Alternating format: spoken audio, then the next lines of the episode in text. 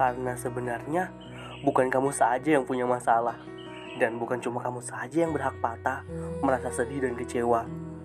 Banyak di luar sana manusia yang sedang susah-susahnya. Bahkan banyak juga manusia yang lebih menderita daripada kamu.